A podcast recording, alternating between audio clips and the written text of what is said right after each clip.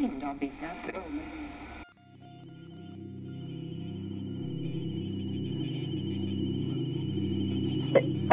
sveicināti, godājamā publika. Visi, kas vēl manis atminās un manis uzklausās. Man jāatstāsta, kādi zinekļi mani dinuši ir rakstīt taisni lūgas un taisni lielas drāmas. Nevar teikt, ka kāds varētu iemācīties. Viss, kas izaug, kas ir talants, ir tāpat kā putnam stārni, kā kokam ziedi, nevilšus. Atrāna man bija tā pirmais iespējas, kad es vēl pa grīdu rāpuļojos kā maza meitiņa, un kāds onkulis mammiņai stāstīja, kā senāk mocīti latvieši, kā viņiem izdurtas acis. Es biju maz bērns, bet man izgāja šausmas caur kaulēm, un tas palika dzīvi iespējas manā sirdī un krājās tur uz nākošiem darbiem.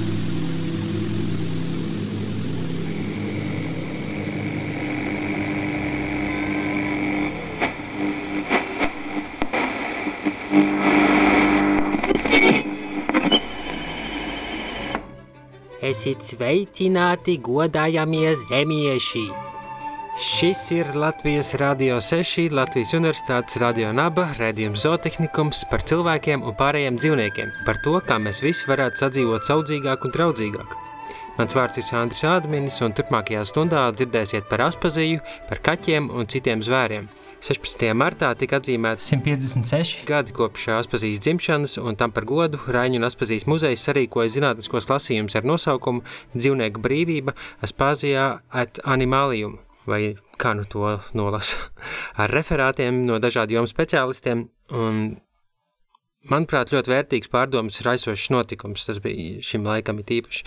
Es to noklausījos un bija skaidrs, ka par to vajag raidījumu, gan lai aicinātu jūs noskatīties un noklausīties šos lasījumus, kas atrodami Facebookā. Uh, Raņas pazīst muzeja lapā, gan arī, lai rosinātu pārdomas par dzīvnieku aizsardzību pirmsākumiem Latvijā un attīstību mūsdienās. Raidījuma sākumā jūs patiešām dzirdējāt atpazīs balsi. Tas bija fragments no Jākapa Nīmaņa kvarteta 2020. gada albuma Dzēnieka balss mūzika.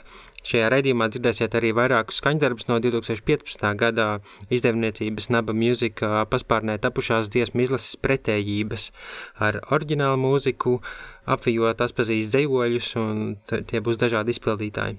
Kā pirmais lasījumos uzstājās filozofs, publicists CLU filozofijas ētikas nodaļas docents Artis Svece ar lasījumu Dēnieku un dzīvnieka draudzība, kas bija tāds vispārīgs ietvers tam, kā varētu domāt par aspaziju un dzējas un mākslas kā tādas skatījumus dzīvnieku un dabas tēmām. Viņš jau pašā sākumā izteica tādu mazliet ķecerīgu domu, ka šāds pasākums notiek ne tik daudz pat aspazīs dēļ, ka tā drīzāk ir nejaušība, lai gan, protams, tur saistība ir. Protams, šī saistība ir arī tad, kad es kādam pieminēju pirms šīs sarunas, ka e, man ir jārunā par e, aspazīm un dzīvniekiem, tad kāds teica par kaķi, ja, par kaķiem. Jā, viņai, viņai bija tie kaķi, un to tā kā visi zina. Un, ja nezinu, es nedaudz pastāstīšu. Bērnības atmiņās, kas publicēts viņas biogrāfiskajā darbā, Zila debesu zelta mākoņos, Aspazīja atceras, ka mazgājot nazīti, piemājas dīķī, viņa iekritusi ūdenī un zaudējusi samaņu. Šo traģisko brīdi esot redzējis viņas mīļais runcis, kurš skaļi bļaudams pievērsis ļaužu uzmanību un izglābis meiteni no nāvis. It kā pateicībā par šo palīdzību dzēniec visu mūžu esot rūpējusies par kaķiem, gan saviem, gan bezpajumtes. Un pat testamentā dzīvnieku patvērsmē novēlējis 3000 latus, tikpat lielu summu, summu kā Dailas teātrim. 2015. gadā laikrakstā Diena bija rakstīts, ka arī Aspazijas savrupajā bērnībā kaķiem bijusi liela vieta, dzēniece pati rakstījusi, pūkains runcis, manas jaunības daļa bija mans vienīgais rotaļbiedrs, tāpat kā gaļbiksītes bija man mīļākās puķītes. Un šos vārdus apliecina arī Aspazijas dzējas rindas, runci kā zirgu es ratiņos jūdzu, leļu kāzās kā lielkungu lūdzu. Nu, varbūt arī šis pats runas bija tas, kam viņa pateicis par savu glābšanu. 63. gadā rakstā Paspazīs takām, kas publicēts laikrakstā Londonas avīze, teikts, kaķus Aspāzija ļoti mīlēja un tos vienu mēru kopa. Jāatzīmē, ka Itāļu zemēs, to starpā arī Šveices Tičīno kantonā, kas, kur atrodas Kastaņola, jeb Kastaņola, kaķu vienmēr ir ļoti daudz, tiem ir liela brīvība un tos uzskata par mājas labiem gariem, kam nekā nedrīkst darīt pāri. Aspāzijai vienmēr bija personīgs kontakts ar katru no viņas mīluļiem. Aspāzija arī testamenta sastādīšanas laikā vienmēr no jauna pārtrauca ar iespraustiem īsiem paskaidrojumiem par attiecīgā kaķa, kas lēkāja no klēpja vai pleca uz klēpi vai plecu raksturu un izdarībām. Pēc atgriešanās no Šveices 1920. gadā viņa arī sāk uh, iesaistīties dzīvnieku aizsardzības darbā un bija biedre abās tolaik lielākajās dzīvnieku aizsardzības biedrībās. Turklāt 34. gadā viņa esot iecelt arī par dzīvnieku aizsardzības biedrības goda priekšnieci Rīgā. Interesanti, kā šo lasījumu tiešraides laikā arī Žaņa Lipkas muzeja vadītāja Lolita Thompsona uzrakstīja komentāru, kur patiesumu gan es neesmu pārbaudījis. Viņa teica, ka Aspazīs ziemā un karā pārdeva kažoku, lai nopirktu reņģis kaķiem. Svētā aizstāve vecmeitām ar kaķiem. Un vēl dažus citus viņas kaķiskos biogrāfijas fragmentus dzirdēsiet turpmāk raidījumā. Bet tagad ļaušu turpināt ar tiem svecem. Bet nu, eh, skaidrs, ka kaķi ir daudziem cilvēkiem, un tādu grandiozu filozofiju no tā viena varbūt nevarētu izvērst. Un, un ja skatās viņas dzēju, es teiktu, ka tā dabas tēma tur varbūt ir eh, nozīmīgāka un izteiktāka nekā tieši dzīvnieku tēma. Bet um, no otras puses, es tomēr šo sarunu uztveru kā zināmu simptomu tam, kā mēs šobrīd vispār domājam un kam mēs pievēršam uzmanību. Jo Patiešām tēma ir ļoti laikmetīga. Mēs šobrīd atrodamies laikā, kad var teikt, jaunā, citā veidā jādomā par cilvēku attiecībām ar dabu. Ja 60. gados, kad tika pieteikta šī ekoloģiskās krīzes problēma un, un plašāka sabiedrība sāka par sevi un, un savām attiecībām ar, ar dabu domāt šajās kategorijās, tad tā, tā pirmā reakcija bija meklēt, meklēt vainīgos, meklēt kaut kādus atsevišķus konkrētus eh, cēloņus un, un tad pret tiem cīnīties, vienalga vai ar kuģu palīdzību, vai protesta palīdzību, vai mēģinot uh, iestāties pret vienu vai otru uzņēmumu. Es domāju, ka šobrīd ir skaidrs, ka problēma ir ārkārtīgi dziļa. Te nav runa par kaut kādiem atsevišķiem ļaundariem, uh, ka mēs nevaram cerēt, ka um, situācija ar, ar apkārtējo vidi, ar piesārņojumu, ar uh, sugu daudzveidības uh, grandiozo samazināšanos, ja šī situācija varētu izmainīties tikai izmainot kaut kādu vienu vai, vai otru faktoru.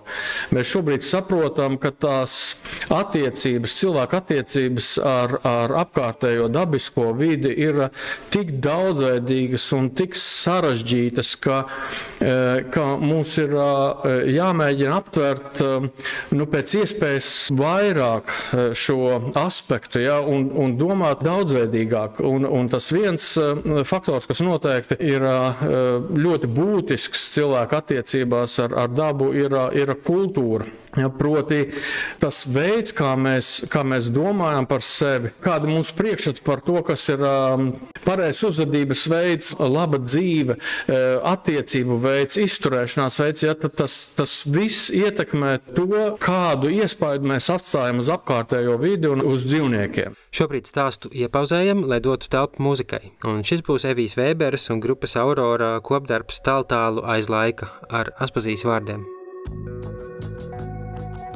Raidījumu pilno versiju klausies Latvijas sabiedrisko mediju portālā LSM LV. Šis ir Latvijas Universitātes radio naba, raidījums zootehnikums, kas šoreiz veltīts Aspazijai saistībā ar dzīvniekiem. Artis Svets savu lasījumu turpinājumā runāja par to, ka kopš pagājušā gadsimta vidus ļoti mainījušies veidi, kā mēs runājam par un izprotam dabas un dzīvnieku aizsardzību.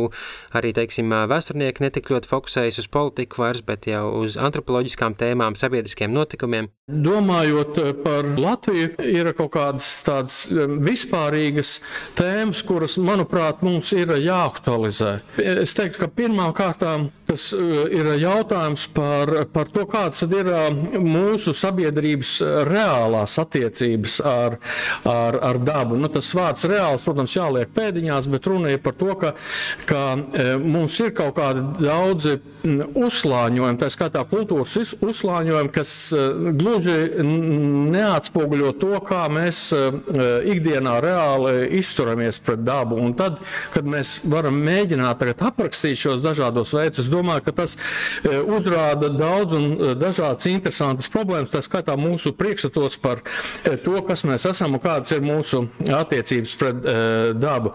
Nu, piemēram, kaut vai mūsdienu veidā pastorāls tēma nav pietiekami analizēta, kas ir ļoti ietekmējusi veidu, kā mēs domājam par dabu mākslas un literatūras kontekstā. Tiem, kas piemirsuši no skolas laikiem, ko īsti nozīmē pastorāla, tā apzīmē idealizētu lauku ainavas un sadzīves attēlojumu, idealisku ganu un dzīvnieku attēlojumu un tam līdzīgi, kas, protams, ir asā kontrastā ar daudz ko, kas mūsdienās notiek ar dabu un dzīvniekiem rūpnieciskās lauksaimniecības ietvaros. Un, manuprāt, mēs to vēl neesam pietiekami nopietni mēģinājuši aptvert. Un tas pats arī par sociālajām attiecībām. Piemēram, e, mūsdienu kontekstā man liekas ļoti svarīgs jautājums par, e, par rietumu ietekmi uz latviešu kultūras domu. Tā skaitā šis mūžīgais pārmetums, ka dabas aizstāvi vai dzīvnieku aizstāvi ir kaut kādā veidā rietumu ideju ievazātāji šeit Latvijā. Svets būtībā saka, ka ir vērts tomēr ieskatīties vēsturē, lai labāk saprastu, kā ir mainījušies mūsu priekšstati par dabu un dzīvniekiem, kāda ir šo ideju izcēlesme. Par līdzīgām tēmām runājām starp citu arī zootehnikuma redījumā ar vēsturnieku Mārtiņu Dātavu, kas bija pētījis 20. gadsimta sākuma Latvijas veģetāriešu biedrību. Un šīs sarunas ieraksts ir atrodams LSMLV arhīvā. Un katrā ziņā Svece saka, ka aspazijas darbība ir viens no daudziem punktiem, kur šīs tēmas par dabu un dzīvniekiem un mūsu izturēšanos pret viņiem saskaras. Un tālāk, ja viņš tādā īsti filozofiskā garā aicina mūs atbildēt uz daudz vispārīgāku jautājumu. Ko nozīmē turēt mīļdzīvnieku? Ko nozīmē turēt kaķi? No vienas puses, jā, tur ir daudz kas skaists un amizants, bet ir vērts pamanīt, ka e, gan e, filozofiskajā, gan tādā antropoloģiskā literatūrā tā attieksme pret mīļdzīvniekiem ir bieži vien tāda, ja ne skeptiska, tad ar, ar brīdinājumiem, ar, ar, ar šaubām. Ja, kāpēc, kāpēc kāds grib turēt mīļdzīvnieku? Te varētu būt arī visā tādi psihoanalītiski skaidrojumi, bet es e, gribētu pieminēt tādu Polu Šapiro, kurš e, saka, ka, ka galvenā problēma, kas ir ar e, mīļdzīvniekiem, ir tas, ka, ka viņi ir nepietiekami dzīv, dzīvnieki, deficient animals.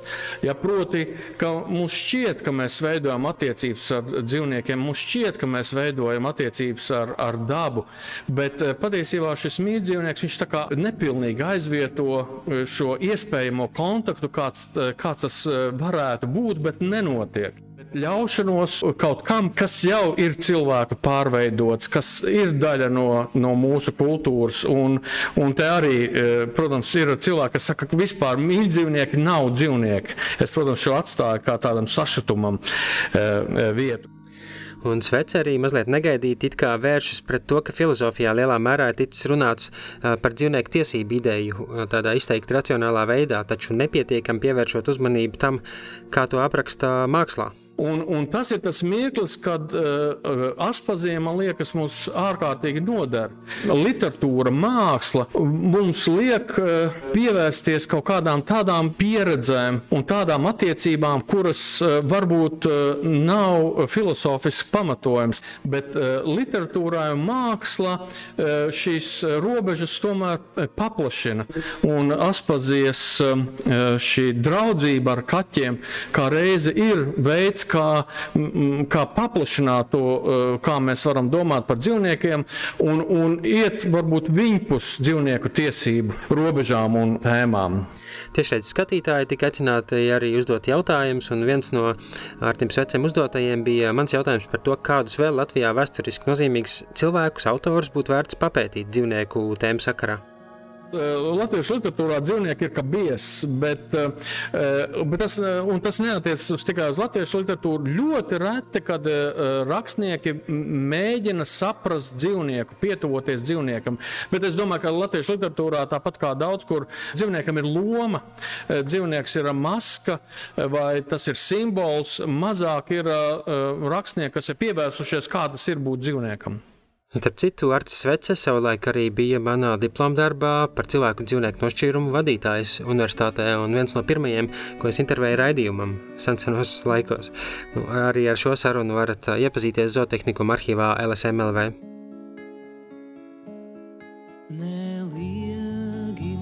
Raidījumu pilno versiju klausies Latvijas sabiedrisko mediju portālā LSM LV. Izskan grupas zāle, skaņdarbs Nemiera bērns ar aspazīs vārdiem, bet tagad turpinām atskatu uz pasākumu par aspaziju un dzīvniekiem. Kā otrā lasījumos uzstājās vēstures fakultātes studente Krista Kristiāna Kristapsone ar tēmu dzīvnieku ne tikai cilvēku dēļ. Rīgas lopu patvērsmes dāmu komitejas darbība 19. un 20. gadsimta mijā. Es vēlējos sākt ar kādiem zīmīgiem vārdiem. Citēju: Laikā, kad sabiedriskās domas progress tiecas uz jaunu izrāvienu, sākotnēji to atbalsta vien dažas privileģētākas personas, kamēr pūlis, turoties pie savas novecojušās nostājas, tam pretojas. Tāds ir arī te, cik daudz ir dzīvnieku aizsardzības biedrību, bet cik gan maz no tām, sekojot laikmeta domas lidojumam, ir spējušas pacelties virs zemākās utilitārisma un cilvēku pašlabuma sfēras, tiecoties uz ideālāku, ētiskāku dzīvnieku aizstāvības koncepciju. Šādi 1885. gadā, aizstāvot Rīgas lopu patvērsmes dāmu komitejas ieņemto atšķirīgo nostāju dzīvnieku aizstāvības jautājumā, izskatās Barons Edmunds von Lidinghausens Fulks. Jāsaka jau ar to, ka jaunajos laikos, pakāpeniski mainoties sabiedrības dzīvesveidam, vērtību sistēmai un arī vispārējiem skatījumam uz pasauli, mainījās arī tas, kā tā uzlūko sev apkārt esošos dzīvniekus. Nevelti tieši 19. gadsimtā kā kopīgs vispirms Eiropas fenomens parādās dzīvnieku aizsardzības organizācijas, caur kuru darbību piedzima arī šī jaunā uz dzīvnieku aizsardzību virzītā sociālā kustība. Un arī Latvijas teritorijā 19. gadsimta otrajā pusē izveidojās vairākas dzīvnieku aizsardzības biedrības, kas bija pirmās šāda veida organizācijas visā Krievijas impērijā. Un, tā jau 1861. gadā tika nodibināta Jālgavas dzīvnieku aizsardzības biedrība un Rīgas biedrība pret dzīvnieku mocīšanu. Tomēr, lai arī teorētiski šīs organizācijas bija atvērtas te katram gribētājam realitātē vismaz sākotnēji tajās izteikti dominēja vācu izglītotāja elita mācītāji, ārsti, aptiekāri, skolotāji un atsevišķas dāmas. Eiropā vismaz sākotnēji dzīvnieku aizsardzības vēstījums tika pakārtots vēlmei izskaust cilvēku brutalitāti un barbaritāti, kas ierasti tika saistīta ar zemākajām kārtām, un tad reizē nostiprināt dievbijīgumu. Tādējādi arī šo manis minēto biedrību patiesi aktīvā darbība 19. gadsimta otrajā pusē tika galvenokārt balstīta apziņā, ka cilvēkam no dzīvnieku mocīšanas ir primāri jāsargās tieši sevis paša labad. Cilvēcīga izturēšanās pret uh, dzīvniekiem tika uzlūkot kā civilizētam, kristīgam cilvēkam piederīga rīcība. Jautājums par dzīvnieku aizsardzības morālo pamatojumu sasniedz arī Latvijas teritoriju. Kad vienā no 1874. gada Rīgas biedrības pret dzīvnieku mocīšanu valdes sēdēm savas uzstāšanās laikā divas brītu izcelsmes iedzīvotājas, Emīlija un Berta Duglasas, aizsāka diskusiju par to, ka biedrībai būtu jāpievērš uzmanība ne tikai dvēseli civilizācijai, bet arī praktiskai dzīvnieku tiesību aizstāvībai. Viņām šajā nolūkā izskot vēlmi uzstākt līdzekļu vākšanu dzīvnieku patvērsmes izveidē Rīgā, cieši norādot uz to, ka bez dzīvnieku patvērsmes izveidas viss īstenotais dzīvnieku aizstāvības darbs, citēju, drīzāk būtu uzskatāms par iluzoru. Biedrība šo priekšlikumu apsprieda, atbalstīja un publicēja laikrakstos. Lūgums ziedot patvērsmes izveidēji, diemžēl līdzekļu vākšana bija lēna, tāpēc vairāk nekā 70 šīs biedrības sievietes apvienojās ar kopīgu mērķi savākt patvērsmē vajadzīgo summu. Nu, tas arī izdevās gada laikā, tika izveidot patvērsmes pagaidu komiteja 16 sieviešu sastāvā, kas arī bija aizsākums organizācijai Rīgas lopu patvērsmes dāmu komiteja, kas bija atsevišķa organizācija no Rīgas dzīvnieku aizsardzības biedrības ar neatkarīgu vadību vadību un darbību, fokusējoties uz minēto patvērsmi, ko atklāja 877. gadā. Un zīmīgi, ka nodibinātā patvērsme bija pirmā šāda veida iestāde visā Krievijas impērijā, nodrošinot patvērumu visdažādākajiem, gan pieredzētajiem, gan savvaļas dzīvniekiem, galvenokārt suņiem, zirgiem, kaķiem, bet ir minēti arī pārcāļņi, ducis, vāveri un citi. Kamēr no vienas puses šī iniciatīva tika atbalstīta, tika uzslavēti dāmas centieni no publiskā, publiskām vietām aizvākt vardarbīgus skatus, no otras puses tas arī izpelnījās ļoti asu kritiku. Tā, piemēram, izdevumā Rīgas Kirchenblata komitejai tiek izteikts pārmetums, ka atšķirībā no Londonas suņu patvērsmes, kurā gada laikā ticis nonāvēts 71% tajā nonākušo suņu, tad Rīgas lopu patvērsmē tikai 20%. Tādējādi citēju, izniekojot līdzekļus, nedarīt nederīgo dzīvnieku uzturēšanā un ārstēšanā. Šo pārmetumu dāmu komiteja atbildēja tādējādi, ka viņi sekojot visām administratīvajām procedūrām, un otrkārt, ka tā esot organizācija, kura citējot, sekojot saviem principiem, nemitēsies prioritāri aizsargāt dzīvniekus. Šāds pieejams, cenšoties praktiskā ceļā uzlabot dzīvnieku aizsardzību viņu pašu dēļ, nevis cilvēku labad, tolaik tika uztverts kā radikāls, neierasts. Vēl spilgtāk pretējas nostājas parādījās tajā, ka dāmas komiteja izveidojot patvērsmi panāca, ka klaņojušos suņus vairs vienkārši nevis nogalināja uz ielas, kā tas bija ierasts, tagad viņus noķēra, aizved uz patvērsmi, apkopa un tikai tad izlēma, ko darīt tālāk. Atgriezt saimniekiem, ja iespējams, vai arī veikt iemidzināšanu. Bet uh, ar laiku klaņojošā suņa jautājumā no komitejas puses tika ieņemta vēl daudz kategoriskāka nostāja. Novērotās prakses aprakstot kā pret suņiem vērstus neglītus un amorālus vajāšanas un iznīcināšanas karus. Reizē arī atzīmējot, ka piekoptās ķeršanas metodas esot pretstā pašu biedrību panāktajām izmaiņām likumdošanā. Un, uh, tā, piemēram, jau publiski nosodot vidzemes dzīvnieku aizsardzības biedrības ieņemto nostāju, dāmu komiteja izsakās, ka vienpusīgi un sagrozīta dzīvnieku tiesību jēdziena un koncepcijas atrodams pat starp tiem, kuri apgalvo, ka pēdējais ir padarījuši par dzīvnieku aizstāvības darbu pamatu. Un jāpiezīmē, ka vēl šobrīd starp dzīvnieku aizsardzības organizācijām notiek konflikti par labāko ētisko, ētiskāko rīcību pret bezsaimnieku dzīvniekiem, viņus drīz vien it kā humāni iemidzinot, vai tomēr pēc iespējas ļaujot viņiem dzīvot, pat tad, ja saimnieki neatrodas ilgu laiku. Lai arī 19. un 20. gadsimta mijā pastāvošo dzīvnieku aizsardzības organizāciju darbība bija caurmērā vērsta uz vienu un to pašu mērķi - veicināt labāku attieksmi pret dzīvniekiem, atšķīrās šī mērķa pamatojums. Kamēr daļa savus argumentus balstīja pašvārdiem racionalitātei, tādējādi arī dzīvnieku jautājumam pieejot no utilitārismu puses, tikmēr citi savu argumentāciju vairāk vērs uz savu veidā identificēšanos ar dzīvniekiem un tad priekšplānā izvirzot empātiju. Vēl jāpiezīmē, ka abas perspektīvas atbalstu meklēja reliģijā, gan tad izceļot at, atšķirīgus kristīgās mācības aspektus. Tālāk stāsta par to, ka 885. gadā Dāmas komiteja sāka publicēt īpašu izdevumu klajā laida izdevumu Analdera jeb dzīvnieku aizstāvs.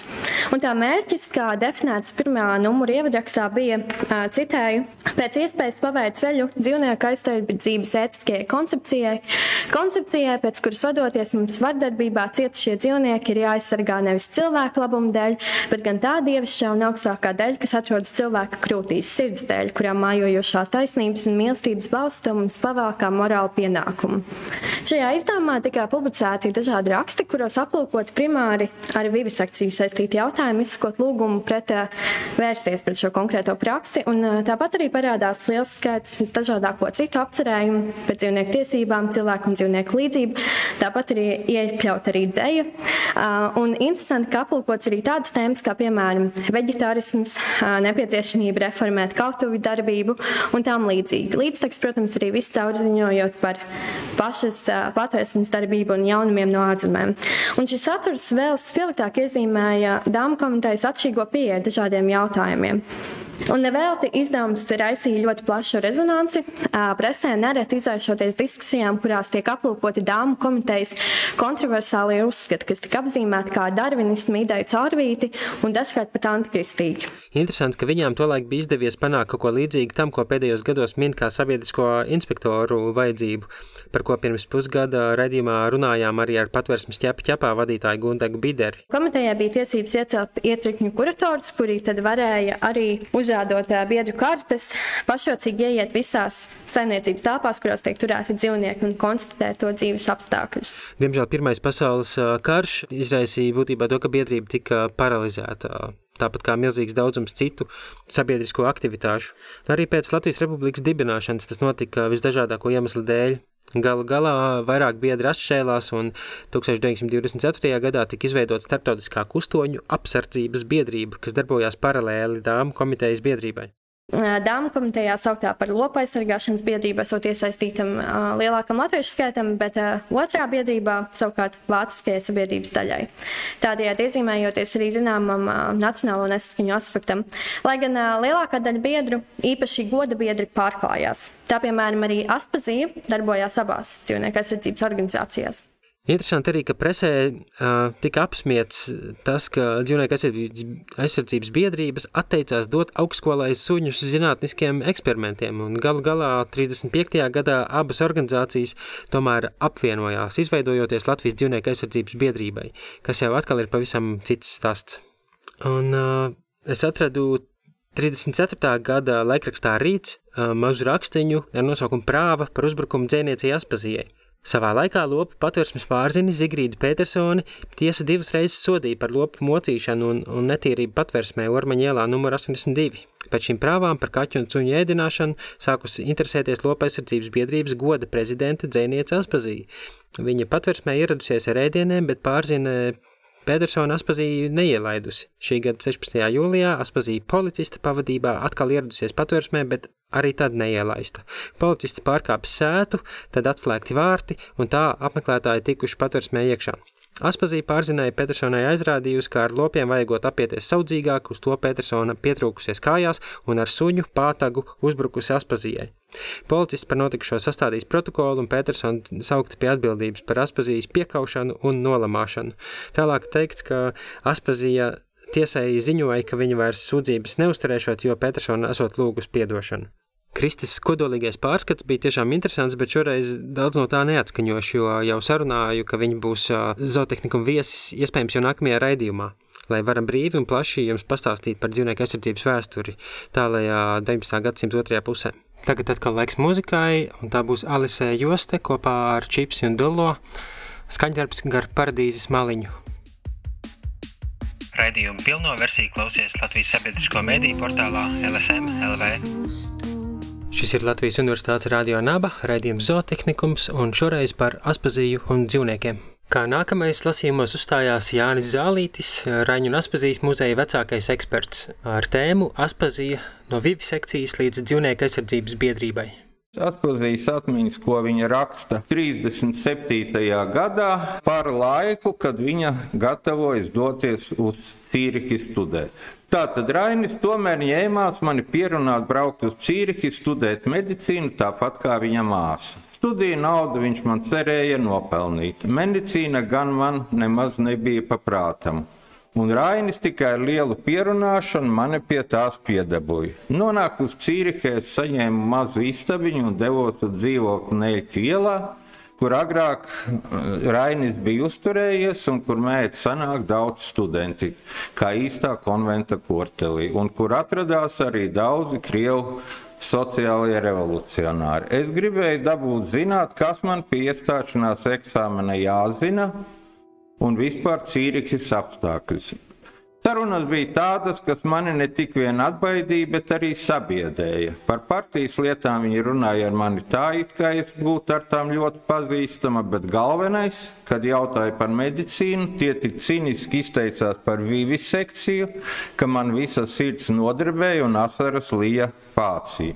Es līdz šai dienai esmu liela kustoņu mīļotāja un vivisekcijas asākā pretiniece. Diemžēl pie mums Latvijā vēl tagad to nepazīst, kas ir kustoņa aizsardzība kā citās zemēs. Sevišķi daudz tas cieši zirdziņi un kaķi, kuriem dzīviem tiek pa tūkstošiem āda novilkt. Šo es īsti nesapratu, kuriem dzīvniekiem un kāpēc dzīviem tiek novilkta āda. Un, un, un varbūt Aspazīja mazliet vienkārši pārspīlēja kaut kādu atsevišķu dīvainu gadījumu. Nu, skarbs secinājums, bet kā tad ir ar to vivisekciju? Liekas jocīgi, jāspāzī, dodamies studēt medicīnu. Nebūtu ņēmusi vērā tādu iespēju, ka medicīnas studijās jaunu vivisekcija varētu būt nepieciešama. Tātad situācija Latvijā, kur dzīvnieki, tie, dzīvniekiem tūkstošiem tiek āda novilkta. Ko dara Aspāzija? Nu, kā mēs dzirdējām, Aspāzija ir viens no ceļiem, tātad, kā sevi iesaistīt, ir šīs dzīvnieku aizsardzības biedrības. Rakstniecības un mūzikas muzejā ir saglabājušās biedra kartes, kas apliecina Aspazijas līdzdalību šajās organizācijās. Un es, ka Latvijā tā tad ir bijušas divas biedrības, šī lopie dzīvnieku aizsardzības biedrība un starptautiskā biedrība. Tātad šīs ir daļa no tām biedra kartēm, kas apliecina Aspazijas līdzdalību. Un, jo īpaši interesanta man liekas 33. gadā izdotā biedra karte, kur ir biedrības priekšnieces paraksts. Patersone, Zigrīda un ļoti interesantais Aspazijas paraksts. Aspazija Rainis. Vai nu vienkārši aspozīja tā ir ļoti reti parakstījusies, varbūt vienkārši aspozīja šajā reizē mūžībā esošo raini uzskata arī kā klātesošu, un kā mēs zinām, tāda nostāja aspozījai bija. Interesanti, ka pasākuma pieteikumā Facebook bija ielikta apzināti Aspazijas bilde, kurā viņai uz pleciem ir lapsa sāda, tā kā ar visu galvu. Un, un tāds jā, provokatīvs jautājums, Aspazija dzīvnieka aizstāve ar jautājumu zīmi. Mēģinājām zināmā kontrastā parādīt tās Aspazijas fotogrāfijas, kur var uh, tātad redzēt Aspaziju apģērbā ar ādām vai, vai, vai kažokā. Es domāju, ka tas ir retorisks jautājums, jo atcerēsimies, ka tajā laikā, atpazīt dzīves laikā, Nu, nezinu, kurš Latvijā vai kur citur tātad apģērbu valkāšanā, ādu valkāšanā vai izbāzeņos vai Raņa Lāčādā, baznīcas ielā 30 būtu saskatījis kādu dzīvnieku aizstāvības pārkāpumus. Un noslēgumā Jānis Zālīts padalās ar pāris amizantiem atmiņu stāstiem. Nobeigt man tomēr gribētos ar kaķiem. 1930. gada augusts Valdis Luks ir ieradies pēc eh, iepazīties ar Aspazijas manuskriptu, lūgu par Jānu Ziemeļnieku, un uh, Aspazija atnes kaut kādas rokraksta lapas, uzliek uz galda, pati dodas uz eh, viesistabu gatavot kādu cienestu savam viesim. Diemžēl iepazīšanās ar manuskriptu nenotiek tik vienkārši, kā to varētu domāt, jo manuskripta aizsardzībā stājas atpazīs runcis un kā, kā raksta Valdis Luks, tā tas skatās uz viņu tā, it kā jaucātu, ko tu te meklē. Tas ir mans pagasts. Nu, un kā tad ir šo atmiņu, atmiņu noslēgums? Citēju, kad ienāca rakstniece, Runcis vienā mirklī no baigā cerbera pārvērtās mīlīgā radījumā. Un tagad iesim tēju dzert, aicināja Aspazija. Ēdam istabā galds jau klāt. Tagad atkal laiks mūzikai, klausāmies grupas amorālā psihoze dziesmu aizgāja ar skumju, bet ļoti skaistu Aspazijas dzēju. Raidījumu pilno versiju klausies Latvijas sabiedrisko mediju portālā LSM LV.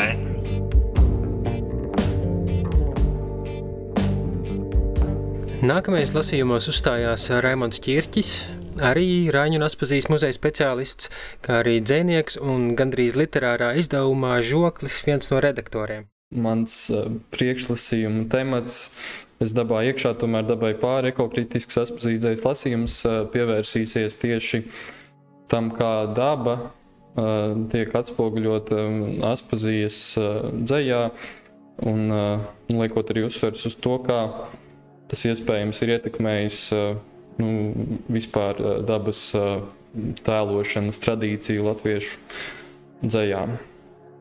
Tātad ekokritiski orientētam lasītājam, pārlapojot latviešu literatūras vēsturi, nāksies atskārst, ka ekoloģijai veltītu darbu ir maz. Tiesa, mēs varam runāt par darbiem, kuros šī problemātika ir iztirzāta līdzās uh, citām problēmām, tomēr tā reti kad kļūst par vadmotīvu. Un tam iespējams var izšķirt uh, divus vispārīgus un noteikti neizsmeļošus iemeslus. Uh, proti, pirmkārt, Latviešu literatūrā daba ir bijusi, bijusi klātesoša viscaur literārajā tradīcijā jau kopš tautas dziesmām, tāpēc papildu aktualizācija autoriem nav bijusi nozīmīga. Un arī Latvijas rakstošās zemes vēsturiski ir atradušās puslīdz saudzīgā klimata ietekmē, un ekoloģijas problēmas ir tikai ar nākotnes perspektīvu, proti, no šī brīža, un tās nekad nav bijušas nemainīgi aktuālas. Un otrkārt, otrs faktors, un tas gan nav uzskatāms par tiešu, tomēr zinām nozīme tam arī ir Protams, latviešu literatūras zinātnē, ekokritikā, literāra teksta lasījuma veids nav tik tālu attīstījies, ka varētu runāt par tradīciju, kura būtu izkristalizējusi skaidru ekoloģijai veltītu darbu kanonu. Proti, visdrīzāk atsevišķus darbus ar ekoloģijas problematizāciju mēs varam atrast. Tiesa tie gluži vienkārši nav sistematizēti un sistemātiski pārlasīti.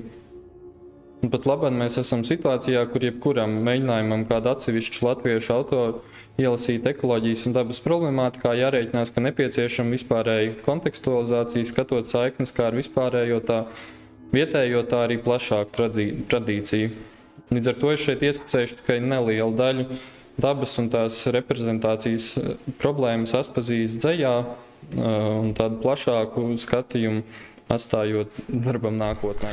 Raimonda Čirča lasījums bija izteikti analītisks, pievēršoties dažādiem konkrētiem piemēriem, atpazīst dzējā, tos uh, komentējot un nu, tas tvērums tāds stipri plašāks nekā šajā raidījumā varbūt iedarās, un līdz ar to es arī atstāju jums pašiem noklausīties, ja vēlties uh, dzirdēt uh, sarunu par ekofeminismu saistībā ar dzīvniekiem varat arī uzmeklēt zootehnikuma sarunu ar Lizu Kemereri, kas nu jau pirms vairākiem gadiem izskanēja un joprojām klausāms internetā.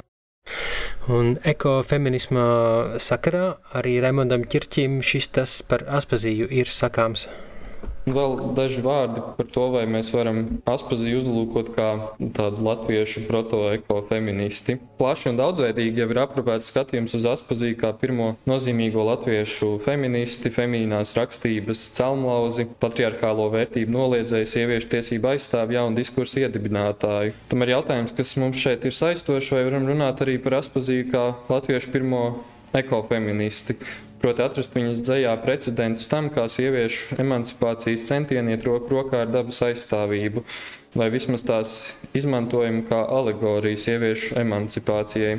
Norobežojoties no atsevišķiem dzīves faktiem, par ko jau uh, runāja arī mans kolēģis Jānis Cālītis, uh, Aspazijas uh, Taļradē, nu, konkrētāk dzējā, eksplicītu piemēru mēs īsti nevaram atrast. Uh, tomēr atmetot jau tādu mūsdienu, mūsdienu prasības, prasībām atbilstošu pietāti pret vidi un tās tēlojumu, kur mēs jau uz dabu raugāmies citādāk nekā to darīja Aspazija un viņas laiks kopumā.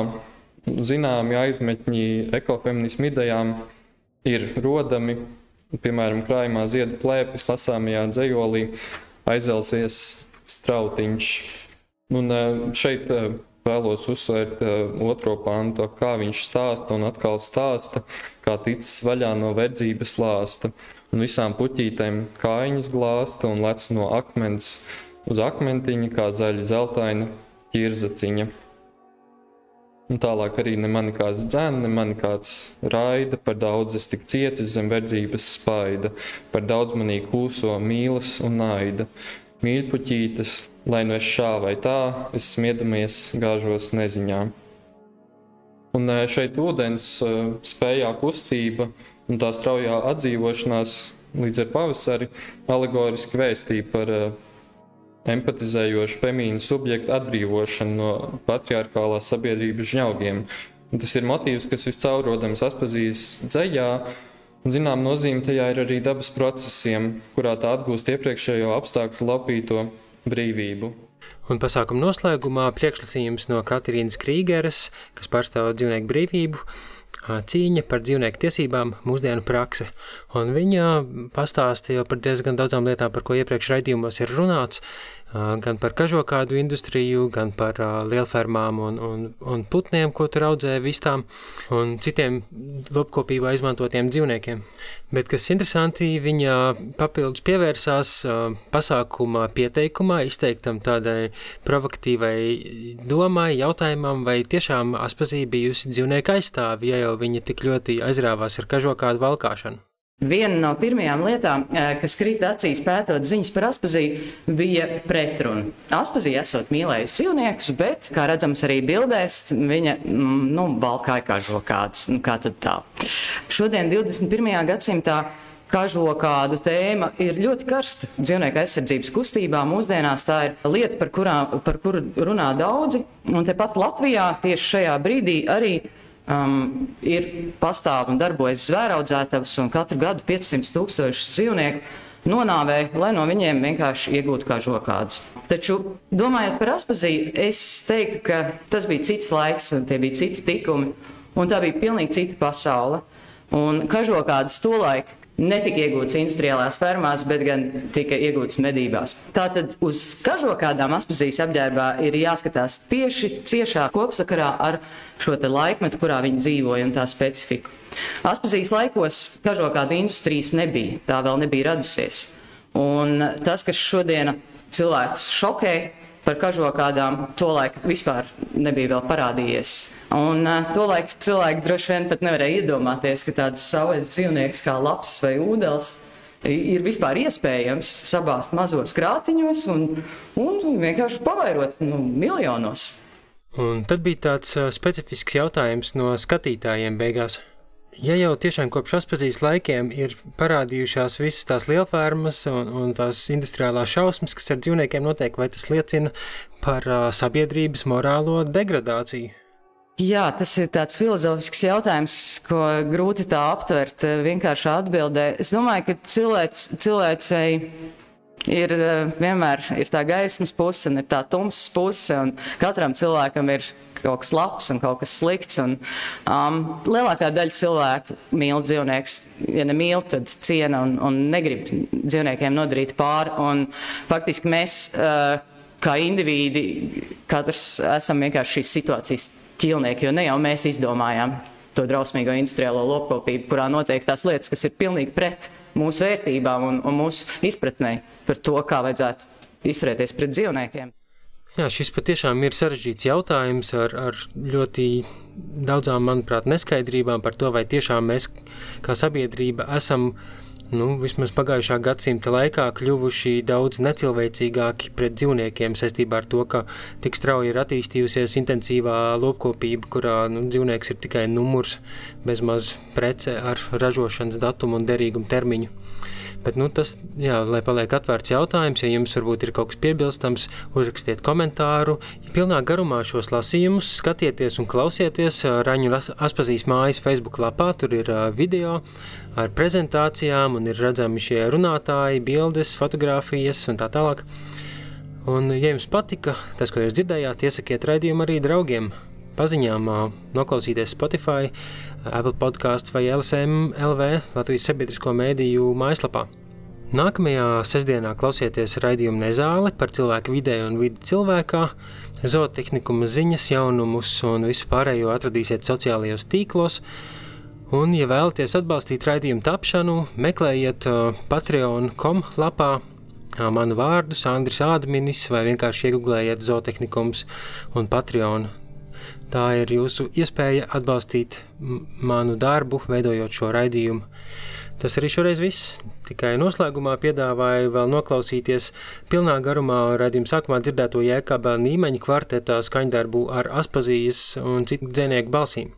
Un tad, nu, paldies, atā, un saudzējiet sevi, saudzējiet viens otru un saudzējiet arī pārējos. Esat sveicināti, godājamā publika!